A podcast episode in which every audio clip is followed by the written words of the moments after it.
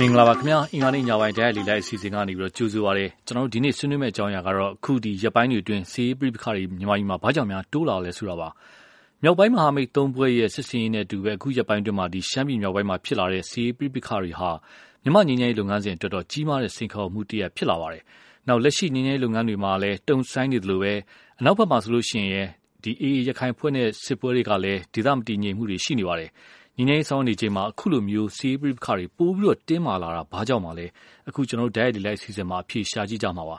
ပါဝင်ဆွေးနွေးဖို့ပြဖို့အတွက်ဖိတ်ခေါ်ထားသူ နှစ်ဦးရှိပါတယ် ပထမတူကတော့ ANC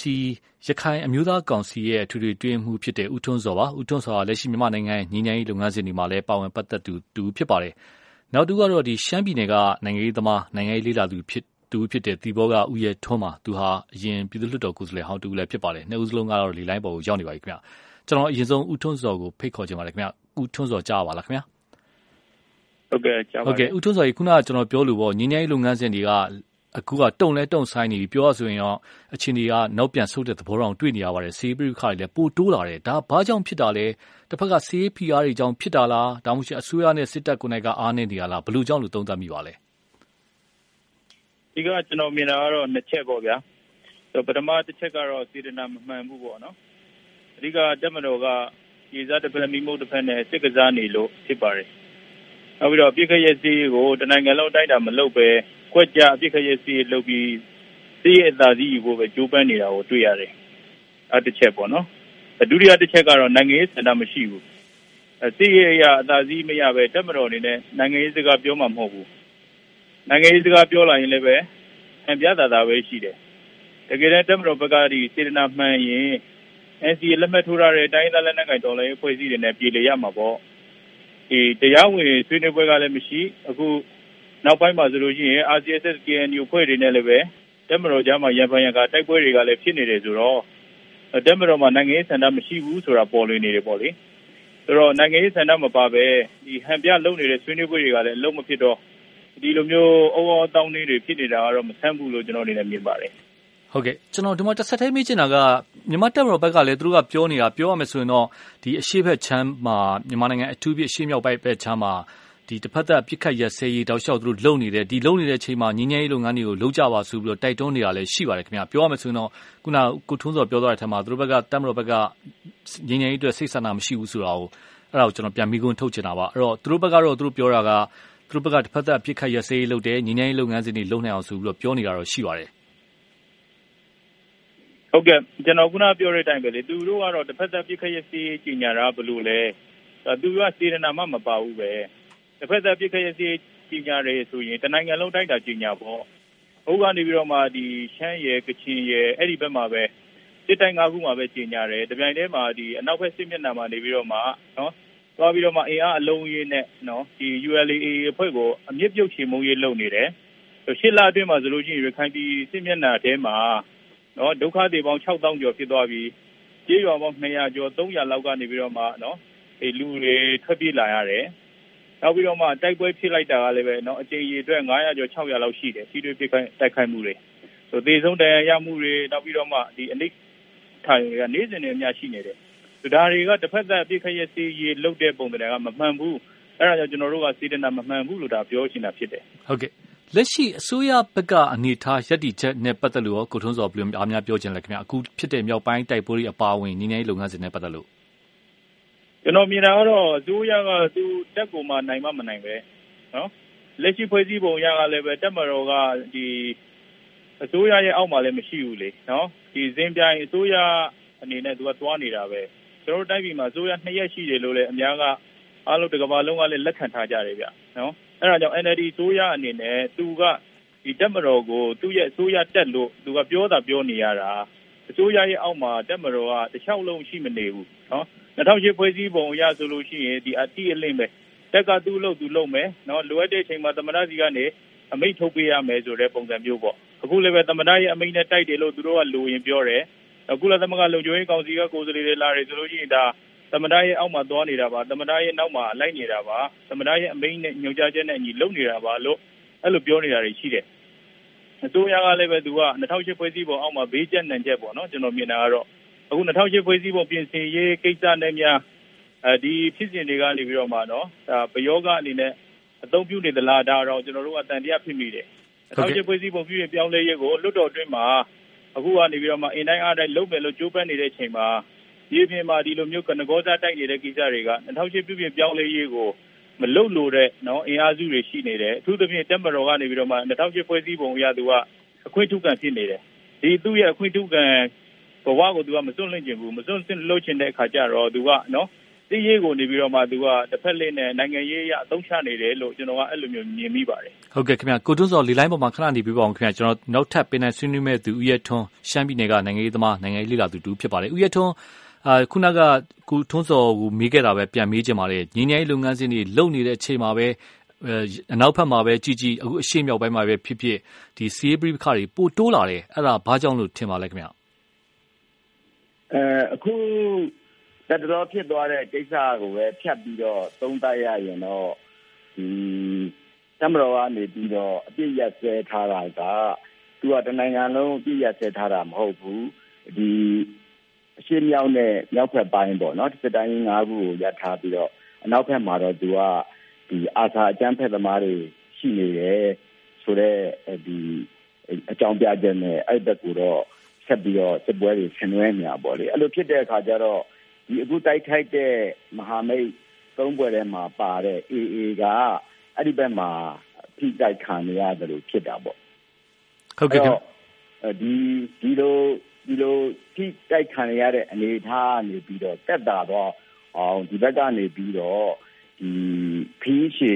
ချစ်တက်ပြီးတော့အင်အားပြော့တဲ့နေရာကိုဝင်တိုက်တဲ့သဘောပေါ့ဝင်တိုက်ပြီးတဲ့အခါကျတော့အဲ့ဒီဘက်ကတက်တွေကိုဆွဲထုတ်လိုက်တဲ့သဘောပေါ့ဒါကြောင့်မလို့ ဒီဘက်မှာနည်းနည်းတိုက်တိုက်ကွက်တွေဖော်လိုက်တဲ့အတွက်ကြောင့်မလို့ဟိုဘက်ကတော့ဟိုဒီတက်တာသွားမှာပေါ့လေဒါကြောင့်အဲဒီအကျိုးဆက်ဖြစ်လာတယ်လို့ကျွန်တော်ကတော့သုံးသပ်ပါဦးရဲထိုးရဲ့သုံးသပ်ချက်ကတော့စီးဗျူဟာသဘောမျိုးနဲ့သူတို့ဘက်ကအခုဒီမြောက်ပိုင်းမဟာမိတ်တွေကဆောင်းရလာတာလားဒါမှမဟုတ်ရှင်စီးရဖိအားပေးဖို့ဆိုပြီးတော့ပုံစံမျိုးနဲ့တွားနေတာလားညီငယ်ကြီးအတွက်ဘယ်လိုမြင်ပါလဲငញ្ញံရေးအတွက်ကတော့ဒီလိုသွားလို့ရှိရင်တော့ဟိုဟိုပို့ပြီးတော့ကောင်းလာဖို့မရှိဘူးဒါကြောင့်မလို့ ငញ្ញံရေးအတွက်ပို့ပြီးတော့တိုးတက်ဖို့ဒါမှမဟုတ်ရင်လည်းအဲဒီအဖွဲ့သုံးဖွဲ့ကိုတခြားအဖွဲ့တွေနဲ့အတူတူဒန်းတူလက်ခံဆွေးနွေးဖို့ဆိုတဲ့ရည်ရွယ်ချက်ကတော့ကျွန်တော်ထင်တယ်အဲ့ဒါကဒုတိယဟိုရည်ရွယ်ချက်ဖြစ်လိမ့်မယ်ပထမဆုံးဒီဒီမှန်းနာကတော့အဲ့ဒီအနောက်ဘက်စစ်မျက်နာက PR တွေတက်တာသွားဖို့ဆိုတဲ့ရည်ရွယ်ချက်ကအဓိကဖြစ်လိမ့်မယ်။ဘာကြောင့်ဆိုတော့တမတော်အနေနဲ့အခုလိုခံလိုက်ရတဲ့အခါကျတော့သူတို့လည်းဒီကိစ္စမှာတော့တော်တော်လေးအရှက်ရသွားမယ်လို့ထင်တယ်။ဒါကြောင့် သူတို့ကဒီ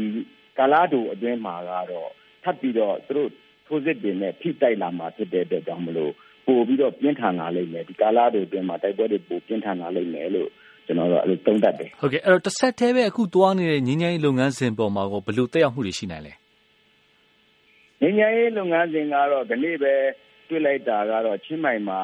ကျွန်တော်တို့ KNU ကရော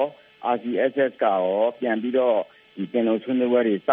ဖို့အတွက်အဲသူတို့လည်းဒီအစဉ်သင့်ဖြစ်နေပါတယ်ဆိုတော့သတင်းပေးချက်ရတဲ့အတွက်ကြောင့်လို့တမတော်ဘက်ကအဲအစိုးရဘက်ကနေပြီးတော့ဒီအချက်၄ချက်ကိုတင်ပြထားတယ်လို့သိရပါတယ်အဲ့တော့ပြန်စနိုင်အောင်ပေါ့လေအဲ့တော့ကျန်တဲ့အဖွဲ့တွေနဲ့တော့ဆက်သွားမဲ့သဘောရှိပါတယ်ဗျ ဟုတ်ကဲ့ခင်ဗျအာဦးထွန်းစောဦးရဲထွန်းလေလိုင်းပေါ်မှာခဏနေပေးပါအောင်ခင်ဗျကျွန်တော်ပါဝင်ဆွေးနွေးလို့ရဆိုတော့ဖုန်းနံပါတ်တွေပြီးပို့ထားတဲ့သရရှင်ကိုခေါ်ပါမယ်ပြောရမယ်ဆိုတော့သရရှင်တော်များများဖုန်းနံပါတ်ပို့ထားတဲ့ကြောင့်မလို့ကျွန်တော်အချိန်ရတော့တော့သရရှင်တွေကိုခေါ်ပေးတော့မှာဖြစ်ပါတယ်အရင်ဆုံးကျွန်တော်ဆိုင်းအောင်ကျော်စန်းကိုဖိတ်ခေါ်ချင်ပါတယ်တူတွတ်တုတ်လေးဆွေးနွေးလို့ရပါတယ်မေးမြန်းလို့ရပါတယ်ဟုတ်ကဲ့ပါဗျာကျွန်တော်အိုင်းရဒီလိုပါပဲစစ်တပ်ကတော့ဒီလိုပဲလက်ကွက်ညီးပေါင်းစုံနဲ့ဒီလိုပဲတိုက်စစ်ရှင်တာရှင်နေရတော့မှန်တယ်ဗျ အစိုးရကလည်းစစ်တပ်ကိုမနိုင်ဘူးစစ်တပ်ကအစိုးရကိုပဲနိုင်တယ်လေဘာလို့တော့သူများတိုင်းပြည်တွေလို့သမရစကားကိုလည်းနားမထောင်စစ်တပ်ကဒီတဲ့ဝင်ကြီးကစပြီးတော့မှကျတော့စစ်တပ်အောက်မှာပဲရှိရတယ်ဗျာနော်ဟုတ်စစ်တပ်အောက်မှာပဲရှိရခါကျတော့စစ်တပ်ကဒီလုတ်ချင်တာလုတ်တယ်သူကစစ်တိုင်းမှာဘတ်ဂျက်ရတာဟုတ်စစ်မတိုင်းဘတ်ဂျက်မရဒီလိုပဲတိုင်းသားလက်နက်ကိုင်တွေညီးပေါင်းစုံနဲ့သူကတော့လက်တိုက်နေမယ်လို့ကျွန်တော် ယုံကြည်ပါတယ်ခင်ဗျဟုတ်ကဲ့ဟုတ်ကဲ့ကိုဆိုင်ကျော်ဆန်ကျေးဇူးပါကျွန်တော်နောက်ထပ်တူဖိတ်ခေါ်ကြပါလေကိုနောင်ကိုနောင်တူတူလေးဆွေးနွေးမြင်မြန်လို့ရပါတယ်ဟုတ်ကဲ့ပါဗျာကျွန်တော်မြင်နေတာပါဗျာအဲကျွန်တော်ဒီထားမျိုးဒီလောက်ပြောရလို့ရှိရင်တော့ဒီ2015နောက်ပိုင်းတော့ဟိုတိုင်းနာလက်နက်ကန်တပ်ဖွဲ့ကိုဟအကြမ်းဖက်လုပ်ရက်တွေဆိုမှအစိုးရကနေ NLD အစိုးရကနေကြေညာတာကိုကျနော်၃ကြိမ်လောက်ဖြစ်မယ်ထင်တယ်။ကျနော်သတိထားမိတာ။ ၃ကြိမ်လောက် သတိထားမိပါတယ်။အဲဒါက အစိုးရကနေ ကြေညာတာလား။အစိုးရကနေအကြမ်းဖက်လုပ်ရက်တွေ လုပ်တယ်ဆိုပြီးတော့မှ အစိုးရကတော့အစိုးရကနေပြီးတော့မှထိုးစစ်နည်းနည်းဆင်လိုက်ပြီဆိုတာနဲ့ မလောမနေပေါ့လေ ချက်ချင်းဆိုသလိုပဲ ကြေညာချက်တွေ ထုတ်ပြန်တယ်။အဲတော့ ကျနော်သိချင်တာကတော့ တပ်မတော်ကနေရော အကြမ်းဖက်လုပ်ရပ်တွေ လုပ်ခဲ့တာ ၂၀၁၅ နောက်ပိုင်းမှာကိုက လုံးဝ မရှိလို့များလားလို့ကျနော်သိချင်တာ။ကိုနောင်ကျေးဇူးပါ။ကျနော်ပြီးရင်မေးပေးပါမယ်။နောက်တဦးကိုကြည်ဆွေတခါတည်းဖိတ်ခေါ်ချင်ပါတယ်။ကိုကြည်ဆွေတိုတိုမေးမြန်းလို့ရပါတယ်။ဟုတ်ကဲ့ကိုကြည်ဆွေပြောပါခင်ဗျ။ဟုတ်ကဲ့ကိုကြည်ဆွေကြားရပါတယ်။ဟုတ်ကဲ့ခင်ဗျ။အဲကြားပါတယ်ကြားပါတယ်။ခုနကပန်းနဲ့ဆွေးနွေးသွားတဲ့ဆရာနှစ်ယောက်ဆွေးနွေးတာတော်တော်ကောင်းပါတယ်။အဲအခုဖြစ်နေတဲ့စစ်ရေးစစ်ရာအချက်လက်တွေမှာကျွန်တော်တို့ကတော့စစ်ကိုတော့ဘယ်တော့မှလက်မခံပါဘူး။စစ်စစ်တာကမကောင်းပါဘူး။အတက်နဲ့ဆုံးဟို လူကြီးတွေအနေနဲ့ အခုတာဝန်ရှိတဲ့အစိုးရရောတက်မလို့ရော သူတို့ဘက်ကနေပြီးတော့အဲငိမ့်ရတဲ့အနေနဲ့တက်နဲ့ဆုံးတွေ NCA လမ်းကြောင်းကို ရောက်နိုင်အောင်အတွက်တင်ရတဲ့လက်နက်ကိုင်တွေကို အချိုးအချိုးစားအချိုးကြညီဟိုဒီတိုင်းလမ်းကြောင်းကို အတက်နဲ့ဆုံး စိုးလျင်စွာ ဆောင်ရွက်ပေးနေတဲ့ သဘောပါပဲခင်ဗျ ဟုတ်ကဲ့ ကိုကြည်စေကျေးဇူးပါ နောက်ထပ်တူဖိတ်ခေါ်ကြပါနဲ့ဥချင်းမြင့် တခါလဲဆွေးနွေးမြင်းမြန်းလို့ ရပါတယ် စိတ်ပိုင်းကဘောင်းဆောင်တွေရည်ရချက်ကောင်းမှုလိုပါတယ်ခင်ဗျသူတို့ရည်ရချက်မကောင်းလို့မငြင်းမချမ်းဖြစ်ခဲ့တာပါတိုင်းသားလူမျိုးပေါင်းစုံရှိတယ်ကျွန်တော်တို့တိုင်းပြည်မှာတချို့တိုင်းသားတွေကိုတော့ဟိုခဏရက်စဲမယ်ကျွန်တော်အတိုက်ခိုက်မှုရက်စဲမယ်ဒီလိုဆိုရင်တခြားတိုင်းသားကြတော့ဖြီးဖြီးမယ်ဆိုတဲ့သဘောမျိုးအဲ့ဒီမှာအလုံးရင်းနဲ့ဖြီးတယ်ကျန်တဲ့နေရာကျတော့ခဏမင်းတို့နဲ့လည်းငါမတိုက်ဘူးငါ့ကိုလည်းမင်းမတိုက်နဲ့ဆိုတဲ့သဘောမျိုးနဲ့ဖြစ်ပါတယ်တိုင်းသားလူမျိုးများကလည်းတိတ်မညံ့ပါဘူးခင်ဗျ ဒီနည်းအတွက်ကြောင့်မူမှန်လို့ဒီလိုဖြစ်ကြပါကျွန်တော်တို့စိတ်ပိုင်းရတာလည်းကျွန်တော်တို့တိုင်းသားကျွန်တော်တို့တက်မတော်ထိပ်ပိုင်းရတာလည်းငြိမ်းချမ်းတာပါအောက်ပိုင်းကဒီတူတူတက်မတော်တောက်ငယ်သားကြီးတော့အသက်ဥပဒေကြီးစိန်ကြီးအကုန်လုံးဒုက္ခဒုက္ခရောက်ခဲ့ဒီဒီမူဝါဒကိုတော့ပြောင်းနိုင်ပါလေခင်ဗျဟုတ်ကဲ့ဗျာဥချင်းမြကျေးဇူးပါကျွန်တော်ပင်နိုင်ဆွေးနွေးသူတွေကိုပြန်ဖိတ်ခေါ်ကြပါလေတော်ရရှင်တချို့ဖုန်းလိုင်းပေါ်မှာခဏနေပြပါအောင်ခင်ဗျာကျွန်တော်အရင်ဆုံးကုရဲ့ထွန်းကိုပြန်ပြီးတော့ဖိတ်ခေါ်ကြပါလေခုနကကိုလောင်ဆွေးနွေးမြမြသွားတဲ့အထဲမှာဒီ တိုင်းသားဖွဲ့စည်းတွေရဲ့ချွေရဲ့လောက်ရက်ကိုဆွေးရကနေပြီးတော့ကြမ်းဖက်လောက်ရက်တွေဆိုပြီးတော့ပြောပါတယ်တဲ့တမ်မတော်ကရော ဒီကြားထဲမှာကြမ်းဖက်လောက်ရက်တွေလောက်တာမျိုး မရှိဘူးလားတဲ့ဥယျထွန်း ဒီအတုံးနှုံးတွေ ဒီလိုသုံးဆွဲကြတဲ့ အခြေအနေကညီငယ်ရေးပေါ် ဘယ်လောက်တက်ရောက်မှုရှိလဲ ကိုဥယျထွန်းအမြင်သိကြပါလေသူကအကျန်းဖက်ဒီလောက်ရဆိုတဲ့ဥစ္စာကတော့ကျွန်တော်တို့ဒီတော်လိုင်းရေးမှာတော်လိုင်းရေးတရားပေါ့လေတော်လိုင်းရေးတရားမှာ လက်နက်ကင် တိုက်ပွဲဆင်နွှဲတဲ့အခါမှာအဲဒီကျင့်သုံးရတဲ့တခါတရံမှာကျူးလွန်လိုက်ရတဲ့ဒီရာဇဝတ်မှုမကင်းတဲ့ပြစ်မှုတွေနဲ့တော့ရောထွေးနေတတ်တာပေါ့လေရောထွေးနေတတ်တဲ့အခါကျတော့အခုအမေရိကန်စစ်တပ်တွေတောင်မှကျွန်တော်တို့အာဖဂန်နစ္စတန်တို့ဘာတို့မှာဒီသွားပြီးတော့ဒီတိုက်ပွဲဆင်တဲ့အခါမှာအဲဥပဒေကိုအတိအကျမလိုက်နာနိုင်ဘူးမလိုက်နိုင်တဲ့အခါကျတော့အဲ့လိုရာဇဝတ်မှုတွေ အဲကျူးလွန်တာတွေရှိတယ်ဆိုပြီးတော့အခု ICC ကနေသူတို့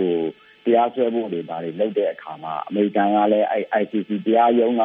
တရားသူကြီးတွေရှစ်လူတွေကိုချိန်ကြောက်တာပေါ့နော်မင်းတို့အမေရိကန်လာလို့ရှိရင်ဖမ်းမယ်စီးမယ်ဆိုတာမျိုးပေါ့အဲ့တော့ပြောချင်တဲ့သဘောကတော့ຢာကတော့လက်နက်ကင်တပ်ဖွဲ့တွေမှာဟိုဘယ်ဖွဲ့ကြီးမဆိုပေါ့လက်နက်ကင်တပ်ဖွဲ့တိုင်းမှာကတော့ဒီလိုဟိုဒီဥပဒေကျူးလွန်ဖောက်ဖျက်တဲ့ကိစ္စမျိုးတွေ နည်းနည်းအကြမ်းဖက်ဆန်တဲ့ကိစ္စမျိုးလေးတွေတော့ရှိကြတယ်ဗျဟုတ်ကဲ့ဒါကြောင့်မလို့ဒါကတော့ဒါကတော့ဟိုမလွဲမရှောင်တာပေါ့လေဒီတပ်ဖွဲ့တိုင်းမှာရှိတာနောက်တစ်ခုကျွန်တော်ဦးကြီးရထုံးကိုပဲတစ်ဆက်တိုင်းမေးချင်တယ်ခုနကတော့ရှင်နေဆွေးနွေးသွားတဲ့အထက်မှာတော့ဒန်းတူရည်တူမှုတိုင်းသားအားလုံးနဲ့ဒန်းတူရည်တူမှုမရှိဘူးတဲ့ဆွေးနွေးပွဲကသူတို့ရဲ့သုံးသက်ချက်ပေါ့နော်စစ်တပ်ကစေတနာမမှန်ဘူးတဲ့ဒါနဲ့ပတ်သက်လို့ဦးရထုံးအမြင်တုံ့ပြန်ချက်အဲဒန်းတူရည်တူမှုဆိုတဲ့ကိစ္စကလည်းအခုကျွန်တော်တို့နိုင်ငံရေးဆွေးနွေးပွဲတွေသွားပြီးတော့ ဘယ်လိုနိုင်ငံရေးစနစ်တည်ဆောက်မလဲဆိုတာကအဲ့ဒီဒန်းတူဒီဒီဖြစ်မှုကိုနိုင်ငံရေးအဒန်းတူဒီဒီဖြစ်မှုကိုဘယ်လိုဘယ်လိုနိုင်ငံရေးစနစ်မျိုးနဲ့တွားကြမလဲဆိုတာကိုဆွေးနွေးဖို့အဓိကဖိတ်ခေါ်တာပဲလေအဲ့တော့အဲ့ဒီဟိုဖြစ်တဲ့အခါကျတော့ကျွန်တော်အမြင်ကတော့ဒီဆွေးနွေးပွဲကြီးကအေးအေးဆေးဆေးကောင်းကောင်းမွန်မွန်နဲ့ဖက်ဒရယ်စနစ်ကိုလည်းကောင်းကောင်းနားလည်သဘောပေါက်ပြီးတော့ဒီ ဖက်ဒရယ်စနစ်ကမ္ဘာမှာအကောင်းဆုံးဆိုတဲ့ဖက်ဒရယ်စနစ်တွေအတိုင်းဟသွားကြနိုင်တယ်ချီတက်နိုင်တယ်ဆိုလို့ရှိရင်ကျွန်တော်တို့ကဒန်းတီရေးဆိုတဲ့ဥစ္စာကိုကျွန်တော်တို့ပုံစံတစ်မျိုးနဲ့ပေါ့နော်ဖက်ဒရယ်စနစ်အောက်မှာပုံစံတစ်မျိုးနဲ့ကျွန်တော်တို့ကပေါ်ဆောင်နိုင်မှာဖြစ်ပါတယ်အဲ့တော့ပြောချင်တဲ့သဘောကလက်နဲ့မကင်ထားတဲ့တိုင်းရင်းသားတွေရှိတယ်ဥပမာအားဖြင့်ကျွန်တော်တို့ဒနုတိုင်းရင်းသားတို့လိုအင်းသားတို့လိုပေါ့နော်အဲ့ဒီလိုတိုင်းရင်းသားတွေလည်းသူတို့ရဲ့ဒီထူးခြားချက်တွေအလျောက်ဖ က်ဒရယ်စနစ်အောက်မှာဆိုလို့ရှိရင်ကိုယ်ပိုင်အုပ်ချုပ်ခွင့်တွေဂန်းတီခွင့်ရေးတွေရမယ်လို့ကျွန်တော်ကတော့ယုံကြည်တယ်ဟုတ်ကဲ့အခုကဖြစ်နေတာကတိုင်းရင်းသားတွေကတိုင်းရင်းသားတော်တော်များများငါတို့လက်နဲ့မကင်ထားရင်အဲ့ဒီလိုအခွင့်အရေးမျိုးရနိုင်ဘူးလက်နဲ့ကင်မဆိုတဲ့ဟာအဲ့ဒါလိုဟိုဟိုပေါ့လေဖြစ်လာတဲ့အခါကျတော့ဒီဟာကမလိုလားအဖက်နဲ့အဲနိုင်ငံရေးအရဆွေးနွေးခွင့်ပြုပြီးဆိုတော့အခု2010နောက်ပိုင်းကာလမှာဟိုထပ်ပြီးတော့ ဒီလိုအစ်စ်တွေပေါ်လာတဲ့အခါကျတော့ဒါကတော့ဟိုတိတ်မကောင်းတာဘူးပေါ့လေကျွန်တော်နိုင်ငံရေးအရဆွေးနွေးဖို့အတွက်စကားပြောနိုင်ပြီးဆိုတဲ့အချိန်မှာမှလက်နဲ့တွေဆွဲတိုင်ပြီးဖြည့်ရှင်းကြတဲ့ကိစ္စကတော့ဒါကနှစ်ခလုံးအတွက်မကောင်းဘူးလို့ကျွန်တော်ကတော့ပြောချင်ပါတယ်ဟုတ်ကဲ့ခင်ဗျာဦးကျွလကျေးဇူးပါကျွန်တော်နောက်ထပ်သရရှင်တွေဖိတ်ခေါ်ချင်ပါတယ်နောက်ကနေဒါကဦးညွတ်လဆွေးနွေးမြများလို့ရပါတယ်တူတူတူပေါ့ဟိုကျွန်တော်အနေနဲ့အခြေခံအကြောင်းရင်း၃ရပ်ပေါ်မှာမူတည်နေတယ်လို့မြင်ပါတယ် နံပါတ်၁ကတော့ခုခံတွန်းလှန်နေရတဲ့ဆွေးပွဲတွေဖြစ်ပြီးတော့နေ့ချက်အနေနဲ့တော်လန်စစ်ဖြစ်ပါတယ်နောက်နံပါတ်3ကတော့ဒီအာနာကိုအာနာအတွက်နောက်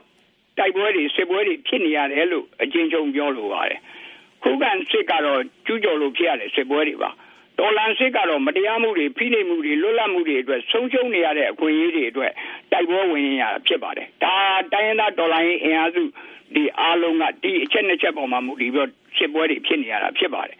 အာဏာအတွက်စစ်ကတော့မိမိပါဝါတကူအာဏာတည်မြဲရေးအတွက်စစ်ဝါဒီတွေရဲ့အာဏာခိုင်မြဲရေးကိုအထောက်အကူပြုနိုင်မဲ့အဖွဲ့အစည်းတွေအတွက်ဒီလိုစစ်ပွဲတွေတိုက်နေတယ်လို့ထင်ပါတယ်။ဘယ်တိုင်းရင်းသားဘယ်လက်နက်ကိုင်အဖွဲ့အစည်းကမှနိုင်ငံတော်အာဏာရယူတဲ့တိုက်ပွဲဝင်နေတာမဟုတ်ပါဘူး။ ပောက်ပင်ပါကြောင့်ကိုင်းရတယ်ဆိုတာကိုသဘောပေါက်ဖို့လိုပါတယ်မိမိဒေသမိမိလူမျိုးအတွက်တရားမျှတတဲ့အခွင့်အရေးတွေအတွက်တိုက်ပွဲဝင်နေကြတယ်ဆိုတာနားလည်လက်ခံဖို့လိုပါတယ်စစ်ကောင်းဆောင်တွေအနေနဲ့ရည်ကြက်ဖို့လိုတယ်လို့ကျွန်တော်ပြောချင်ပါတယ်ဟုတ်ကဲ့ခင်ဗျာဦးကျွန်းလာကျေးဇူးပါကျွန်တော်နောက်ထပ်သူဖိတ်ခေါ်ချင်ပါတယ်ကိုဆိုင်းလင်းတာတူတူတူလေးဆွေးနွေးမြများလို့ရပါတယ်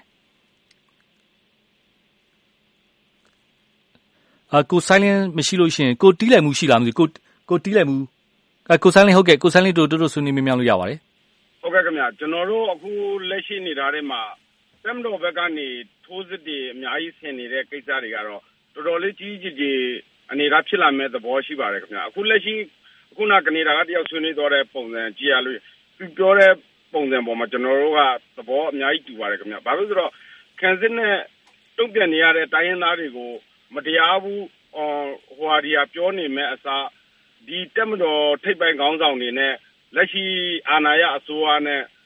ဆွေးနွေးပြီးတော့ဒီတက်မတော်တိုင်းရင်းသားလက်နက်ကိုင်အဖွဲ့အစည်းတွေကိုဘလို့နီးနဲ့အကောင်းဆုံးငင်းချင်းတည်ဆောက်ကြမလဲဆိုတာကိုဒီအာဏာရအဖွဲ့အစည်းနှစ်ဖွဲ့ကနေပြီးတော့အတိအကျကျစဉ်းစားသုံးသပ်ပြီးတော့ဆွေးနွေးပြီးတော့ကျွန်တော်တို့ဒီစပွဲဝိုင်းပေါ်ရောက်လာအောင်ပဲကျွန်တော်တို့ကဒီမှာတိုင်းရင်းသားတယောက်အနေနဲ့ကျွန်တော်တို့ပြောရလို့ရှိရင်စစ်ပွဲတွေအများကြီး ဟိုအန်ဒီများတဲ့စစ်ပွဲတွေကြီးပဲရှေ့ဆက်ဖြစ်လာဖို့အလားအလာကိုမြင်နေရတဲ့အတွက်လက်ရှိနေတာတွေမှာအများကြီးသဘောထားကြီးဖို့ကလက်ရှိ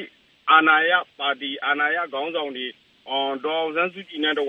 အကုန်လုံးကသဘောထားကြီးပြီးတော့တိုင်းရင်းသားတွေကိုလက်တွေဆွေးခေါ်ဖို့လိုအပ်တယ်ဆိုတာကတော့ အရင်အရေးကြီးနေပါတယ်ခင်ဗျ ဟုတ်ကဲ့ ကိုဆိုင်လင်းကျေးဇူးပါ ကျွန်တော် အချိန်နဲ့သိမြောက်လို့ကျွန်တော်နောက်ဆုံး ကိုထွန်းစော်ကိုပဲပြည်နိုင်ဆွေးနွေးသူကို ဖိတ်ခေါ်ချင်ပါတယ်ခင်ဗျ ကိုထွန်းစော် ခုနက ဆွေးနွေးသွားချက်တွေကို ကြားမှာပေါ့ လူတော်များများကလည်း ဒီအခြေအနေပေါ်မှာအာတန်တရားဖြစ်နေတယ်ဖြစ်အပြေလဲပါမလား အဲ့တော့ တကယ်တမ်းညီညီလုပ်ငန်းစဉ်တွေကလည်း အစိုးရဘက်ကလည်းလုပ်တယ် အခုစီးပွားရေးလုပ်နေတယ်ဖြည့်ထုတ်နိုင်မယ့်အနေအထားရှိပါလား ကိုထွန်းစော်ရဲ့အနီတုံ့ပြန်ချက် သိကြပါလေဟုတ်ကဲ့ အခုအဖြေရှာတဲ့နီလန်းကတော့ဒီ21ရာစုပင်လုံအပေါ်မှာ အခြေခံပြီးတော့မှ သူတို့ဆွေးနွေးပွဲတွေလုပ်ပြီးတော့ သွားနေတယ်ပေါ့ဗျာအဲဒီပုံမှာအခြေခံပြီးကြည့်မယ်ဆိုလို့ရှိရင်အခုက NLD အစိုးရက21ရာစုပင်လုံကိုနိုင်ငံရေးအကျိုးအမြတ်တစ်ခုထပ်ပိုလုပ်တာကိုမတွေ့ရဘူးပေါ့နော်နောက်ပြီးတော့တက်မတော်ဘက်ကလည်းဒီ21ရာစုပင်လုံကို NLD ရဲ့တစိမ့်လိုပဲသူကသဘောထားတယ်နောက်ဆုံးမှာတော့ဒီအစိုးရက21ရာစုပင်လုံကိုနိုင်ငံရေးအကျိုးအမြတ်အတွက်သုံးချပြီးတော့တပ်မတော်ဘက်ကလည်းပဲ NCA ကိုထောင်ချောက်တစ်ခုအနေနဲ့သုံးချနေတာကိုတွေ့ရတယ်။တိုင်းဒေသလက်နက်ကိုင်တော်လှန်ရေးဖွဲ့စည်းတွေကလည်းဒီနှစ်ပေါင်း80ကျော်ပြည်တွင်းစစ်မှာ ဗမာစစ်အာဏာရှင်စစ်တပ်ကပေးထားတဲ့ဒီခါးသီးတဲ့သင်္ကန်းစာတွေအပြည့်တွေနဲ့ဆိုတော့ယုံကြည်မှုကပျောက်နေတယ်။အဲ့တော့ဒီအချိန်တွေအောက်မှာကိုယ့်အချင်းချင်းကြားမှာမိသားစုစိတ်ဓာတ်နဲ့အဖြေရှာဖို့ဆိုတာကလည်းမဖြစ်နိုင်တဲ့ခါကျတော့တမန်တမတ်ကြတဲ့ကြားလူမရှိဘဲနဲ့တော့ဒီကျွန်တော်တို့မြန်မာငြိမ်းချမ်းရေးကတော့ရှေ့ဆက်ဖို့အတော်လေးခက်နေအောင်မယ်လို့ကျွန်တော်မြင်ပါတယ်ကြားလူကဘယ်လိုလူမျိုးကိုတတ်မှတ်လဲဆိုရင်တော့မြန်မာပြည်ဟာအလုံးစုံပြတ်သုံးရေး တွင်းနဲ့ထည့်ကို ဆင်းသက်သွားဖို့ပဲရှိမယ်လို့ မြင်ပါတယ် ဟုတ်ကဲ့ ကိုထုံးစောဆိုလိုတဲ့ဂျားလူဆိုတာ ဘယ်လိုလဲ ပြည်ပကလား ပြည်တွင်းကလား ဘယ်လိုလူမျိုးဆိုလိုတာပါလဲ ဘယ်လိုအင်အားစုမျိုးဆိုလိုပါလဲ ဟုတ်ကဲ့ အဓိကတော့ပေါ့ဗျာဒီကျွန်တော်တို့ပြည်ပကမှရလိမ့်မယ်ဒီတွင်းမှာကကြတော့ ကျွန်တော်တို့ကဒီဓာမိုးပြီးတော့ အုပ်ချုပ်နေတဲ့နော်စစ်အာဏာရှင်စနစ်အောက်မှာတော့ ဘယ်သူမှ ခေါင်းမထောင်ရဲဘူး အဲ့ဒါကြောင့်တမန်တမတ်ကြတဲ့ကျွန်တော်တို့နိုင်ငံတကာကပေါ့လေနော် ကြားဝင်ပြီးတော့မှ ကျွန်တော်တို့ လုံမှာပဲရမယ်လို့ ကျွန်တော်မြင်ပါတယ် ဟုတ်ကဲ့ ကိုထုံးစောခုနကပြောသွားတဲ့ပုံစံရဆို21ပင်လုံနဲ့ပတ်သက်လို့ ဘာမှ မျှော်လင့်ချက် မထားနိုင်တော့ဘူးလား ဟုတ်ကဲ့21ပင်လုံကအခုက NLD အစိုးရက သူ့ရဲ့ နိုင်ငံရေးအကျိုးမြတ်တစ်ခုတည်းပို့ပြီးလှုပ်တာ မတွေ့ရဘူး